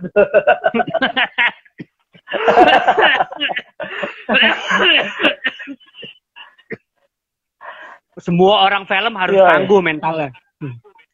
iya. Iya. Itu udah kebutuhan Oke, oke. dasar manusia lah. Iya, iya. Apalagi situasi sekarang kalau nggak tangguh gila kita. Yo, iya betul. Oke. Gue lanjut ya, Le. Ya, Oh, dari M underscore apa sih ini? Agis Agisna Mm-mm. Bang Ezra, saya mau bertanya tugas art director pada saat produ- praproduksi apa aja ya? Oh, tadi udah Tadi dijawab udah ya? ya. Dia Ya, udah. mau melakukan analisa-analisa tadi tuh dari referensi Ya. gambar, referensi setting, properti, kostum makeup, segalanya. Ya, uh, tadi membuat uh, color palette. Uh, ya. ya. Ya, ya uh, uh, buat uh, teman-teman juga buat informasi aja kalau tadi ada yang kelewat uh, bisa didengerin ngobrol-ngobrol uh, ini di podcastnya ruang ruang imajinasi film ya uh, di Spotify, di Anchor dan lain-lain. Oke, okay. uh, gue lanjut nih, Le. Ya, masih.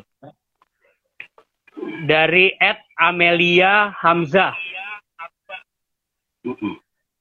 Setelah mendapat skenario, uh, penata artistik membuat breakdown art dulu. Apa ngobrol sama sutradaranya dulu mengenai mood dan konsep artnya? Oh ya, itu udah pasti. Itu udah pasti. Jadi di saat penata artistik melakukan analisa-analisa tadi, mencari referensi-referensi gambar itu, itu adalah bahan diskusi ataupun yang sudah di, berdasarkan hasil diskusi dari dari sutradara. Kira-kira eh, kebutuhan yang diinginkan sutradara seperti apa, gitu ya. ya. Jadi memang uh, yang kuncinya itu tadi sih, kuncinya di fungsi fungsi setting tadi sih, di fungsi misansen tadi sih kuncinya. Jadi dalam menentukan, jadi dalam menentukan setting, properti, kostum, make up, dia harus mewakili minimal dari dua fungsi misansen tadi. Ya, kalau okay. kalau gue ulang lagi tadi sebagai informasi waktu, informasi tempat, informasi status sosial, mendukung look dan mood, mendukung aktif adegan, terus menunjukkan motif tertentu ya. Jadi dari enam fungsi ini, setiap pemilihan item dalam tata artistik minimal itu mewakili dua fungsi. Apakah hmm. dia mewakili fungsi sebagai informasi status sosial, apakah dia mewakili fungsi pendukung aktif adegan? Ya. Gitu. Ya, ya. Kuncinya ya. di situ, tapi semuanya ya berdasarkan uh, berpa oh, pastinya kalau berdasarkan komunikasi dengan sutradara itu pastinya itu sudah pasti. Iya. itu wajib. Tapi kuncinya dalam tata artistik itu dia setiap pemilihan itu harus minimal mewakili dua fungsi misansen tadi sih mas. Ya betul. Ya ya ya jadi Amelia seperti itu ya. E, pasti komunikasi dengan sutradara pasti. Tapi biasanya e, sutradara juga punya karakter tuh. Kalau kayak gua kan breakdown dulu le sesuai skenario baru kita diskusi ya uh, atau ada yang udah ngebrief dulu baru nanti teman-teman artis nge-breakdown kan ada juga yang seperti itu gitu ya le kurang lebih ya. le ya Yap, Mas Yo. Oke. Nih kita lanjut ke Intan Rosita 26. Mm -hmm. Bang Ezra, saya mau bertanya apa aja sih job desk job desk tata artistik? Aduh, ngulang lagi.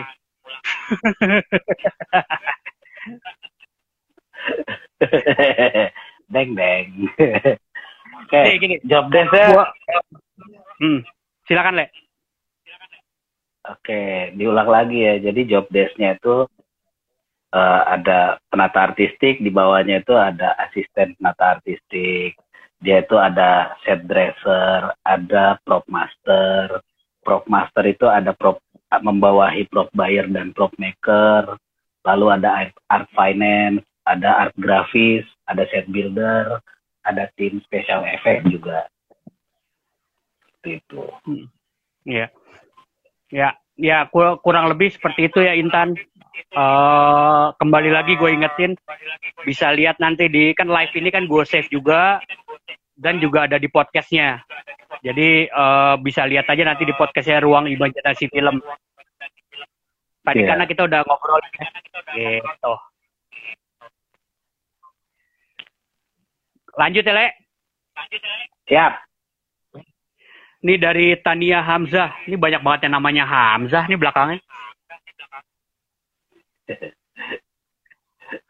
Mau nanya nih Bang, Yo, uh, kendalanya mau nanya kendala yang paling bikin uh, di departemen artistik biasanya apa? Kurang lebih kayak gitulah. Kendala. Mm -mm. Wah, mau jujur nih.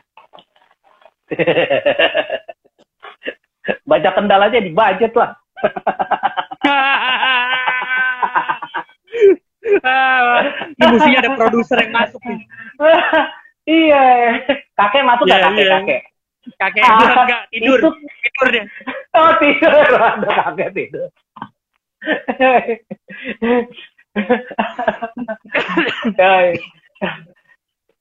ya sebenarnya sih kalau kendala setiap se eh, apa ya dalam setiap pekerjaan yang kita terima sih baik itu film iklan atau apa pun itu pasti punya kendalanya masing-masing sih.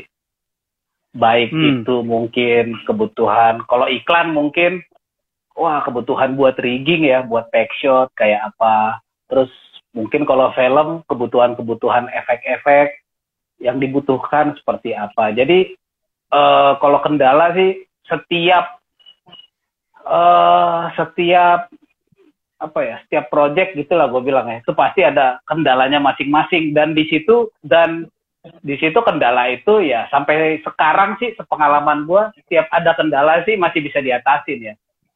Tapi Hmm. memang ya di situ dia sih sambil belajarnya di situ. Kita di di setiap mendapatkan kendala baru di situ kita jadi tahu oh ternyata buat bikin ini oh seperti ini gini gitu. Mungkin oh buat efek misalkan buat kepala apa botol digedotin ke kepala biar aman. Akhirnya oh kita tahu oh bahannya ternyata harus pakai ini gitu ya. Terus membuat Iya. ledakan yang seperti apa gitu. Akhirnya kita nemuin ramuan oh ternyata harus bahannya pakai seperti ini. Jadi setiap setiap apa macam-macam sih kendalanya. Baik itu di properti terkadang juga wah propertinya ribet nih yang dicari gitu ya jadi ya bisa dari properti bisa itu apakah itu dari efek ya jadi macam-macam sih Oke. Siap, siap, siap, siap. Ya gitu. Emang kendala semua departemen pasti di budget kok. nah pasti semuanya berujung ke budget Iyalah.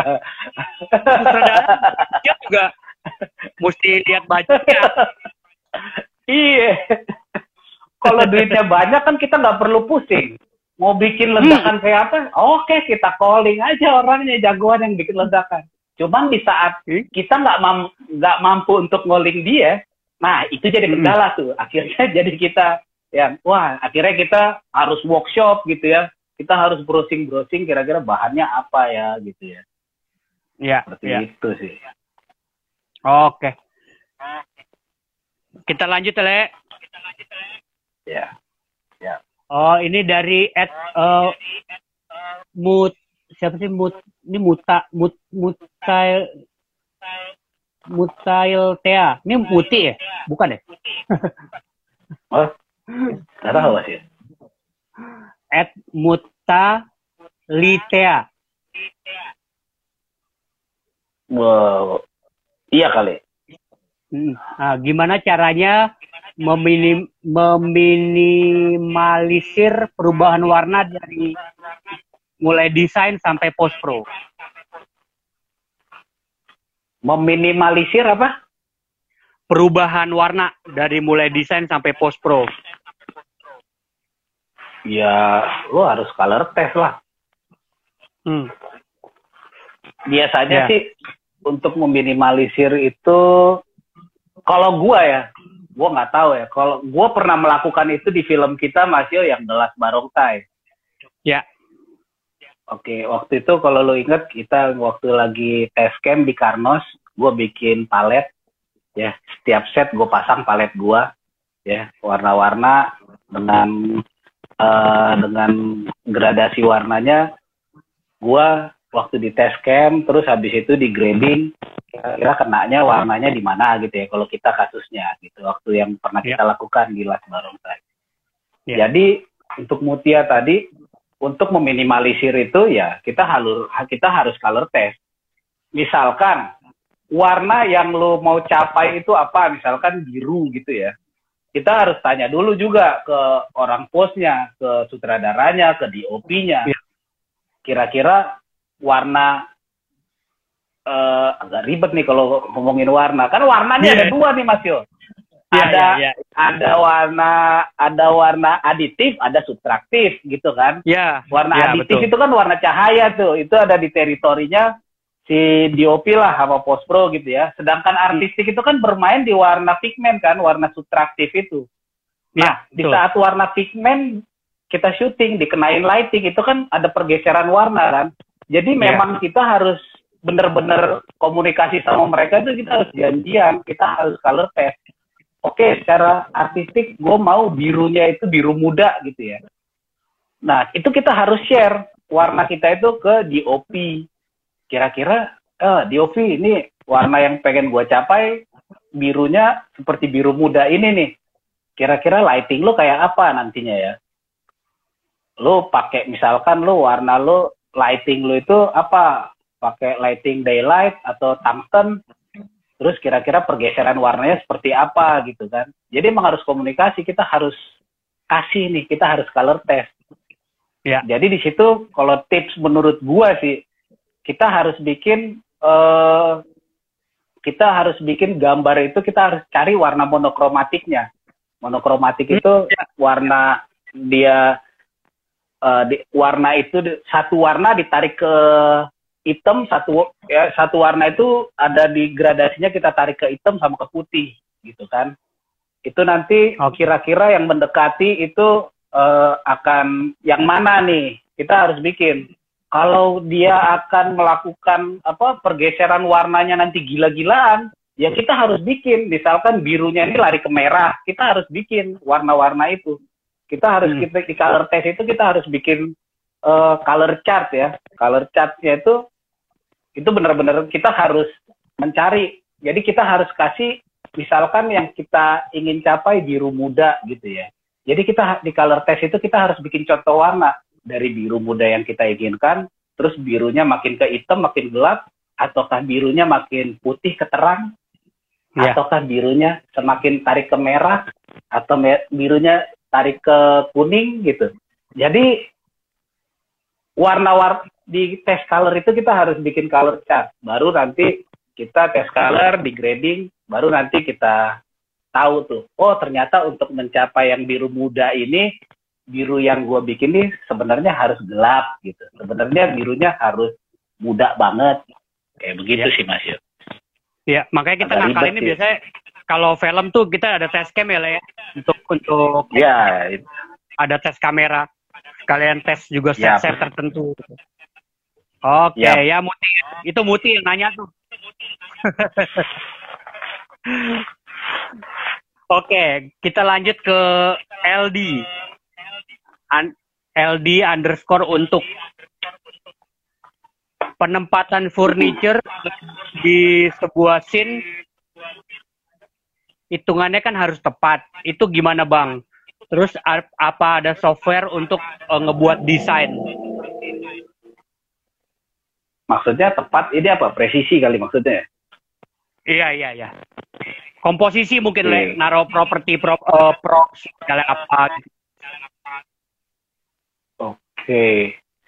kalau untuk membuat desain ya dari kita tadi kita untuk buat desain setting kalau menurut saran gua sih yang paling simple dan akurat itu sekarang kita pakai Google SketchUp sih ya terus itu mudah banget software kita bisa dapat gratis Habis itu uh, model-modelnya juga banyak banget itu di situ kita mau sofa kayak apa, lemari kayak apa, itu tinggal download gratis. Dan setting itu kita bisa bikin presisi sesuai dengan ukuran ya. Jadi kalau misalkan ruangan yang kita akan bikin itu misalkan 6 kali 6 meter gitu ya di SketchUp itu kita tinggal ketik 6, 6 meter lebar 6 meter tinggi 6 meter panjang 6 meter itu udah dia langsung presisi ukuran sih Ya. Kalau buat software itu. Nah, terus kalau untuk komposisi, untuk komposisi mana yang menentukan komposisi, ya itu bisa kita tentukan. Itu bisa kita lakukan pada saat kita uh, block shot ya. Di situ baru ya, ketahuan ya, tuh. Di saat block shot, saat kita block shot di situ baru ketahuan tuh kebutuhan framingnya seperti apa. Di situ tata artistik bisa ngejudge tuh. Oh berarti komposisi ruang gua akan seperti ini. Seperti itu. Oke. Jadi emang idealnya tuh di praproduksi harus ada block shot. Iya, betul. Setuju, saya setuju. Oke, lanjut nih. Uh, ke Amir Rahmi. Breakdown art secara detail itu sebenarnya apa aja, ada apa aja, uh, dan pada saat breakdown itu uh, diskusinya sama siapa aja. Terus pernah nggak uh, berantem sama divisi lighting pas lagi syuting? ngomongin yang adem-adem aja gitu nggak? Ngomongin yang berat. Iya.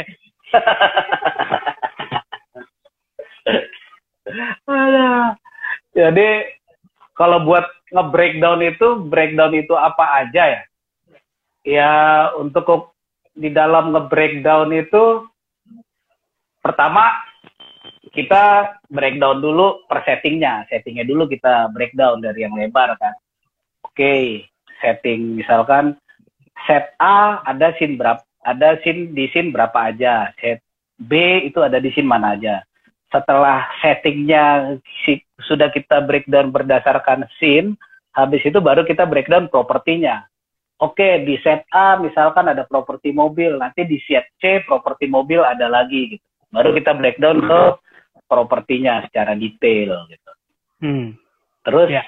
kita pisahin juga mana yang menjadi uh, mana yang menjadi uh, apa istilahnya ya? Mana yang menjadi properti untuk set untuk set dressing terus mana properti yang untuk props hero gitu ya jadi hero propsnya gitu. Key prop lah ya kurang lebih. Key propsnya ya key propsnya seperti apa key propsnya apa aja terus properti untuk dressingannya seperti apa aja. Di situ baru nanti kita pilah-pilah tuh berdasarkan settingnya gitu. Jadi hmm. setting ini propertinya ini ini ini ini gitu. Terus di setting ini ada key, ada key propsnya apa aja gitu. Gitu sih Mas ya. Siap, siap, siap, siap. Kita lanjut nih, Le. Banyak pertanyaannya. Mudah-mudahan kejawab semua nih. Siap. uh, tadi, oh ya, ke A Ciari. Bang Ezra, saya mau tanya, yang dimasuk, yang dimaksud dengan grafik desain itu apa dan tugasnya apa? Art grafis ya kalau maksudnya. Ya, ya okay. grafik designer gitu dibilangnya sih. Oke, okay. uh, eh, art grafis ya. Art grafis itu ya. sebenarnya untuk kebutuhan kayak misalkan properti poster gitu ya, poster. Hmm. Terus mungkin kita misalkan uh, adegannya minum gitu ya adegannya dia hmm. minum air mineral gitu. Ya kan? Sedangkan kalau misalkan kita pakai minum air mineral mereknya Aqua gitu kan kan agak aneh tuh. Suka-suka kan pro, produser kan tuh suka protes tuh. Eh tuh ada mereknya gitu kan. Jadi sebenarnya ya, di dalam film kita kita akan bermain aman berarti air mineral itu kita bikin fiktif gitu ya. Jadi art grafis itu tugasnya misalkan membuat uh, membuat logo desain minuman gitu ya. Atau ke atau mungkin adegannya ngerokok gitu ya. Rokoknya nggak mau ada brand gitu kan. Cuman kan kalau kita polosan doang kan aneh gitu kan. Jadi kelihatan banget uh, dibuat-buatnya gitu. Terus misalkan kalau kebetulan hmm. ngerokok gitu kita kita desain cover bungkus rokoknya seperti apa. Gitu sih Kira-kira tugasnya okay, seperti okay. itu sih, yang berhubungan dengan desain lah. Oke. Okay. Sip, uh, lanjut lagi ke Diki Satriadi. Hmm. Pernah nggak bang pas lihat skenario abang bayangin setnya lumayan ribet, tapi terpentok sama budget. Uh, gimana cara mengakalinya? Set lumayan ribet, terpentok sama budget. Oh, pernah. Pernah banget. Sering. Sering.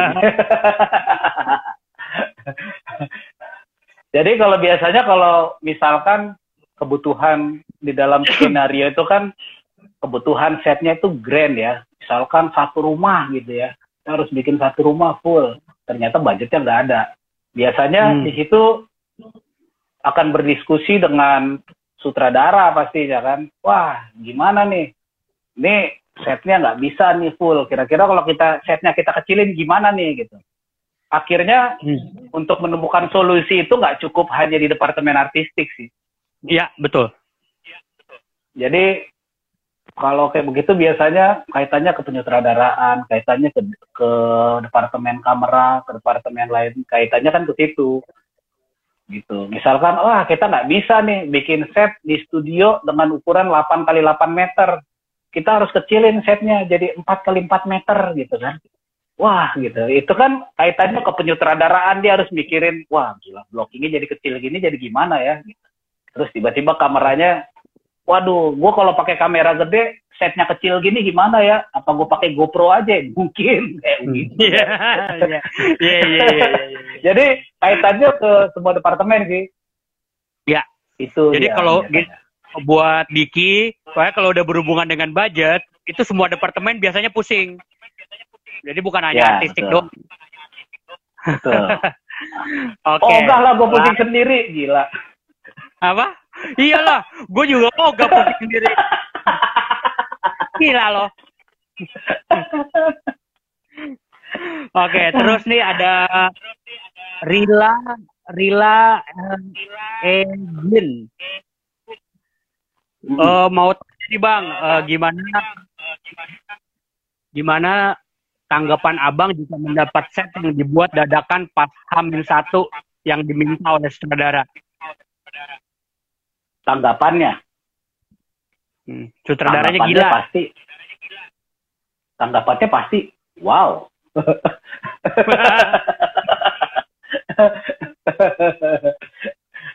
ya itu i- ini ya kalau menurut gua tergantung kondisinya sih kita menyikapinya kayak apa ya terkadang kan eh, kita harus lihat juga dulu kira-kira permintaan dari sutradara itu masuk akal apa enggak? Maksudnya dari dari seorang penata artistik kan dia juga harus punya harus punya hitungan kan? Dia harus punya ukuran. Dia juga eh, apa penata artistik juga kan harus punya ukuran untuk eh, kebutuhan set gitu ya. Di Ya. saat mungkin eh, misalkan oke ini scene-nya apa nggak boleh enggak nih ini harus diambil gitu. Kalau kalau menurut kalau gue pribadi ya ketemu hal kayak gitu gue ngelihat dulu ini masuk akal apa enggak gitu Hmm. jadi Siap. kalau itu kira-kira kira-kira misalkan nggak masuk akal gitu ya maksudnya nggak masuk akal ini bukan secara budget ya menurut pemikiran pribadi gue nggak masuk akal juga untuk kebutuhan cerita gue pasti akan tolak Ya, oke. gitu kalau cuman Ya. sekedar BM BM-an sih gue akan tolak tapi kalau memang eh, itu memang eh, apa? Memang Tuntut sangat dibutuhkan tuntutan. oleh cerita kondisinya tuntutan. Terus sutradara juga bisa meyakinkan eh meyakinkan dengan wah iya nih dia harus mencapai hal selevel ini gitu. Ya gua harus akan kejar semaksimal Oke. mungkin. Tapi ka, gua gua akan kasih maksudnya gua juga akan kasih wanti-wanti ke sutradara oke dengan hal kayak begini yang kita bisa capai akan seperti apa gue juga harus kasih eh kondisi yang realistis ya juga kan jadi biar semuanya bisa mendapat jalan tengah Oke, siap. Ya, ya kembali lagi tuh intinya buat teman-teman komunikasi gitu. Sutradara yang minta dalam Hamin satu itu bukan berhadapan hanya sama artistik, pasti berhadapan dengan produser, dengan lain produser, dengan semua Iya. departemen. Walau memang sutradara punya hak, punya hak, tapi juga nggak boleh semena-mena. Gitu. betul Oke, lanjut ya, Le. ya Ini dari Ed Mulyoso 7. Mm-mm. Bang, eh, saya kan tugas akhirnya ngambil penyutradaraan gaya, gaya realisme. Eh, bagi tips dong nguatin artistiknya dengan gaya realisme yang saya gunakan. Saya sebenarnya anak artistik sih Pak, tapi di kampus saya nggak ada mayor art director. Oh gitu, oke. Ya untuk mendekati apa realisme katanya. Mm -mm. Ya. Dia mau bu mau bikin mau bikin Ya, kalau mau bikin yang realisme ya ikutin fungsi-fungsi Misansen tadi. Ya kan? Misalkan dia ceritanya di tahun 2020 gitu. Ya, lo lakukanlah dengan properti-properti yang yang menginformasikan di tahun sekarang gitu. Contohnya kayak begitu. Kalau misalkan dia cerita tentang film tahun 90 gitu, setting ceritanya tahun 90, itu kan realis juga. Terus tiba-tiba ya. Dia pakai pro propertinya Kijang Innova gitu. Ya kan udah nggak realis dong. Akhir maksud gue di situ ya coba dia uh, artistik yang realisme itu ya lo harus uh, memas apa unsur-unsur tata artistik yang ada di film lo nanti ya harus yang menginformasikan tahun kejadian lo.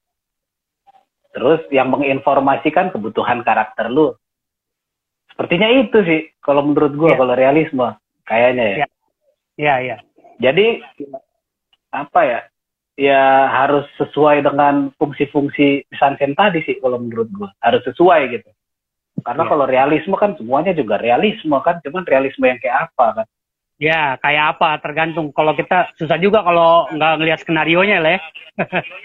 Iya. Intinya sih kalau menurut gue, lu cukup pegang fungsi misansen itu dia informasi waktu, informasi tempat, informasi status sosial. Dia penunjang ya. look and mood, look and moodnya, terus pendukung aktif adegan. Lu cukup pegang fungsi-fungsi misansen tadi, itu sih untuk pendekatan realisme. Oke. Okay. Siap. Oke ya, uh, Mulyoso kurang lebih seperti itu ya. Ya kalau realisme itu kan berarti properti-propertinya yang disesuaikan. Yang disesuaikan dengan iya. kebutuhannya. Kalau dia ceritanya iya. tahun 90 ada properti mobil ya, mobil kijang lah, kijang super gitu kan. Iya. iya. Contohnya ya. kayak gitu. Oke. Kita lanjut nih ke uh, uh, Zeri Riza. Bang, film jelas saya kenapa nggak sukses di pasaran? Apa karena promosi atau faktor lain? Nah, itu gue skip. Itu harusnya gue yang jawab tuh, bukannya bukannya Bang Ezra. Iya. yang penting gue dibayar waktu itu.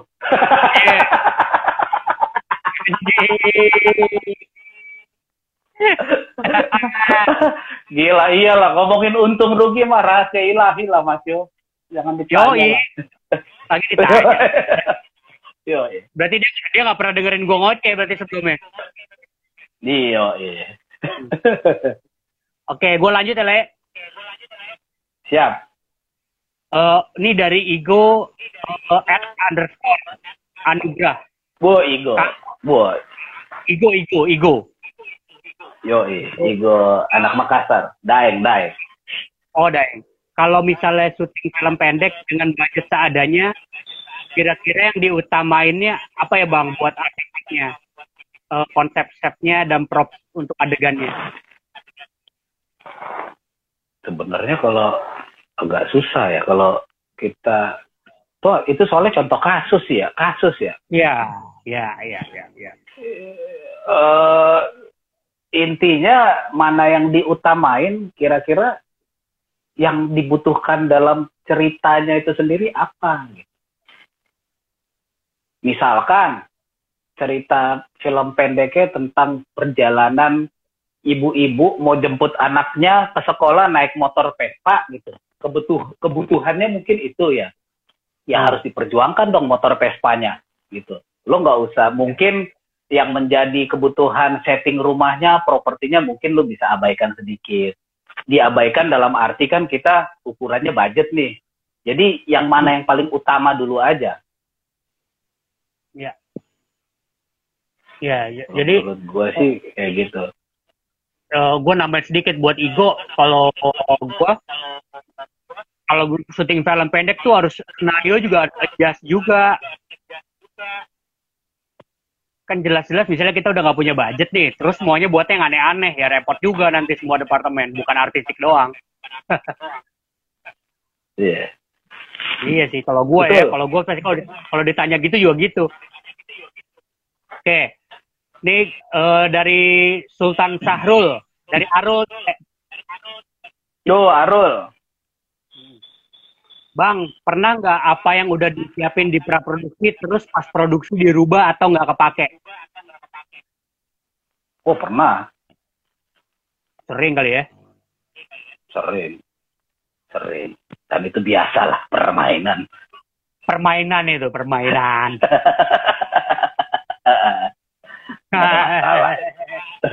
ya. Sering. Rul kayak nggak pernah ikut syuting aja loh. Tahu mau di strap lagi apa? Hmm. Coba Oki tolong itu suruh jalan jongkok lagi Aru. Canda Rul. Iya, Arul udah gede sekarang. Yoi. Film tugas akhirnya keren, Le. Tugas akhirnya Wih, keren mantap. Mantap. Wes, Nah. keren. Eh, nih Le, eh, di sini eh, gue ada pertanyaan dari Japri dari Malaysia nih Le. Dari siapa? Eh, dari temen di Malaysia. Oh ya, ya. Oh, gue minta tolong lu jawab juga ya. Yap.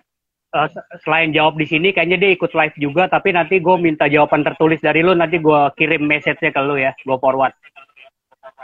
Oke. Ah, Oke. Oh gini, bagaimana mem- membagi tugas atau kerja dalam art departemen jika movie atau film yang kita kendaki buat adalah 3D?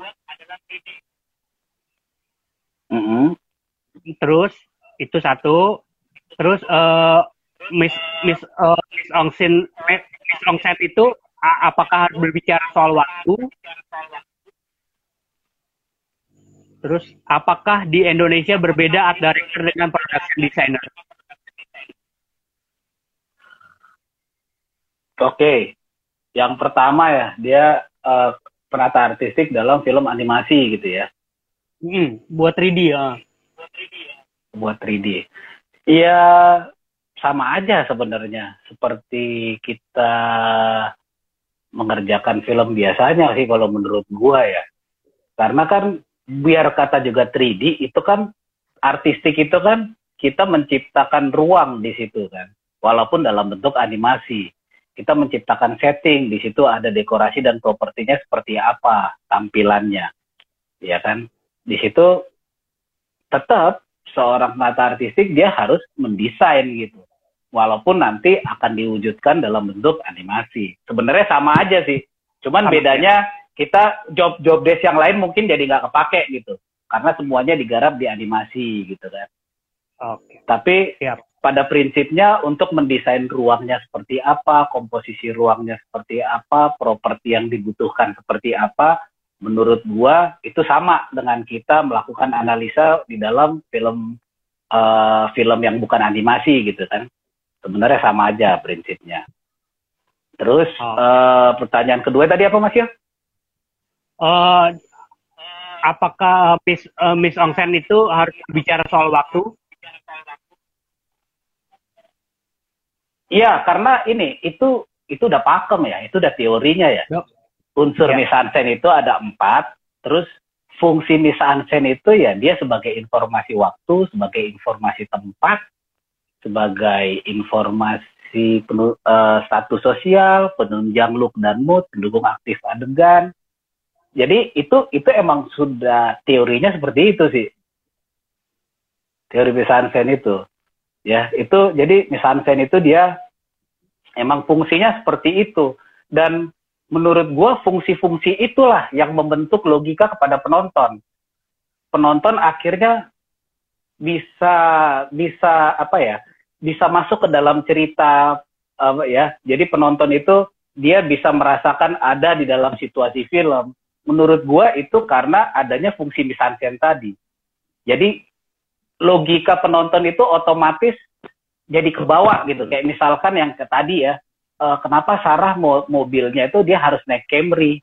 kenapa sih nggak dia nggak naik mobil kijang gitu kan itu kan dia untuk menunjuk dia sebagai informasi status sosialnya Sarah gitu kan misalkan seperti itu kalau kasusnya okay. dalam film Dul misalkan setting uh, vilanya Sarah kenapa sih harus gede harus ada kolam berenangnya gitu kan itu kan kita untuk menunjukkan status sosialnya si Sarah gitu kan tiba-tiba si Sarah pas di Indonesia misalkan ya dia nginepnya di kontrakan petak itu kan menjadi nggak logika ceritanya jadi berubah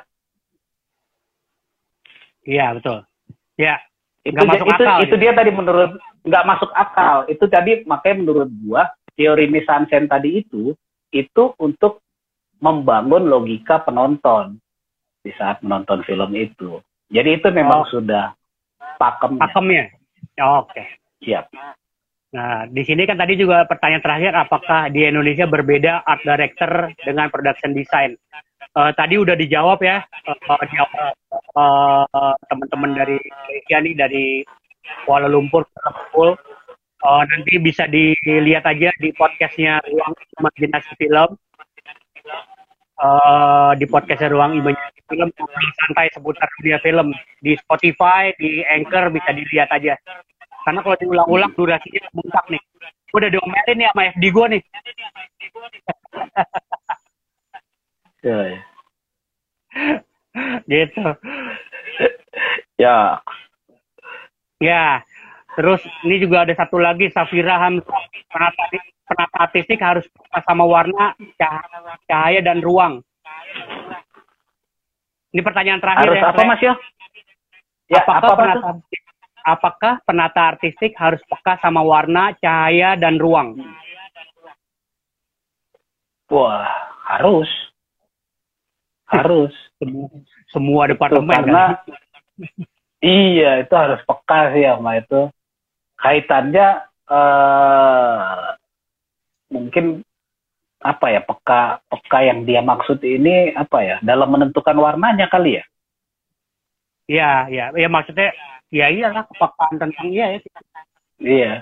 Jadi sebenarnya sih kalau penata artistik dia di dalam pemilihan warna DOP pun gua rasa di dalam dia konsep pencahayaannya pasti dia ada ukuran-ukurannya pasti. Dia pasti ada pertimbangan bagaimana karakternya, bagaimana mood ceritanya, pasti ada pertimbangan-pertimbangan itu sih dalam menentukan warna. Gitu. Oke. Okay. Iya. Ya, Safiranza. terus. Ya, itu dia. Kurang lebih nanyanya telat sih. Oke, Le. Oh, kita udah cukup panjang nih. So far terpanjang nih sama lu nih. Kayak penggemar tata artis oh, ya? banyak juga iya. Yang masih gitu. sekolah ya. Yang masih sekolah hmm. gue sumpahin lah dia berminat di artistik. Ya tuh bisa kontak Bang Ezra DM DM aja, gangguin aja dia. Oke, okay, uh, thank you, thank you Ezra. Siap. Udah berbagi Siap, ilmunya, berbagi pengalamannya sama teman-teman ruang imajinasi film. Sukses, semoga Siap. kita bisa syuting bareng lagi. Ya. Yeah. Amin. Amin. Oke, okay. thank you Le. Lu bisa out ya Le. Amin. Thank you. Thank you Mas Yo. Thank, thank you Mas Yo. Thank you buat Ruang Imaji teman-teman. Oke. Oh, Alhamdulillah udah selesai nih ya. eh, ngobrol-ngobrol kita uh, tentang tata artistik, uh, Miss Ansense-nya. Uh, tadi udah pertanyaan-pertanyaan udah dijawab uh, sama Bang Ezra. Semoga bermanfaat buat teman-teman yang dengerin. Uh, kalau ada yang kurang jelas, bisa ini nanti uh, akan di save juga di di IG-nya Ruang Imajinasi Film. Jadi follow aja atau teman-teman bisa uh, nanti Jumatnya Jumat ini akan rilis uh, podcastnya uh, obrolan ini di podcastnya Ruang Imajinasi Film. Ada di Spotify, ada di Google Podcast, ada di Anchor FM jadi bisa bisa lihat di sana, bisa dengerin di sana ya. Oke semua teman-teman, thank you. Sampai ketemu minggu depan, hari Senin depan kita akan bahas tentang kesinambungan. Ya kan, kira-kira departemen apa tuh yang akan jadi bintang tamunya ruang imajinasi film. Oke, thank you semua. Uh, sehat selalu, stay safe. Assalamualaikum warahmatullahi wabarakatuh.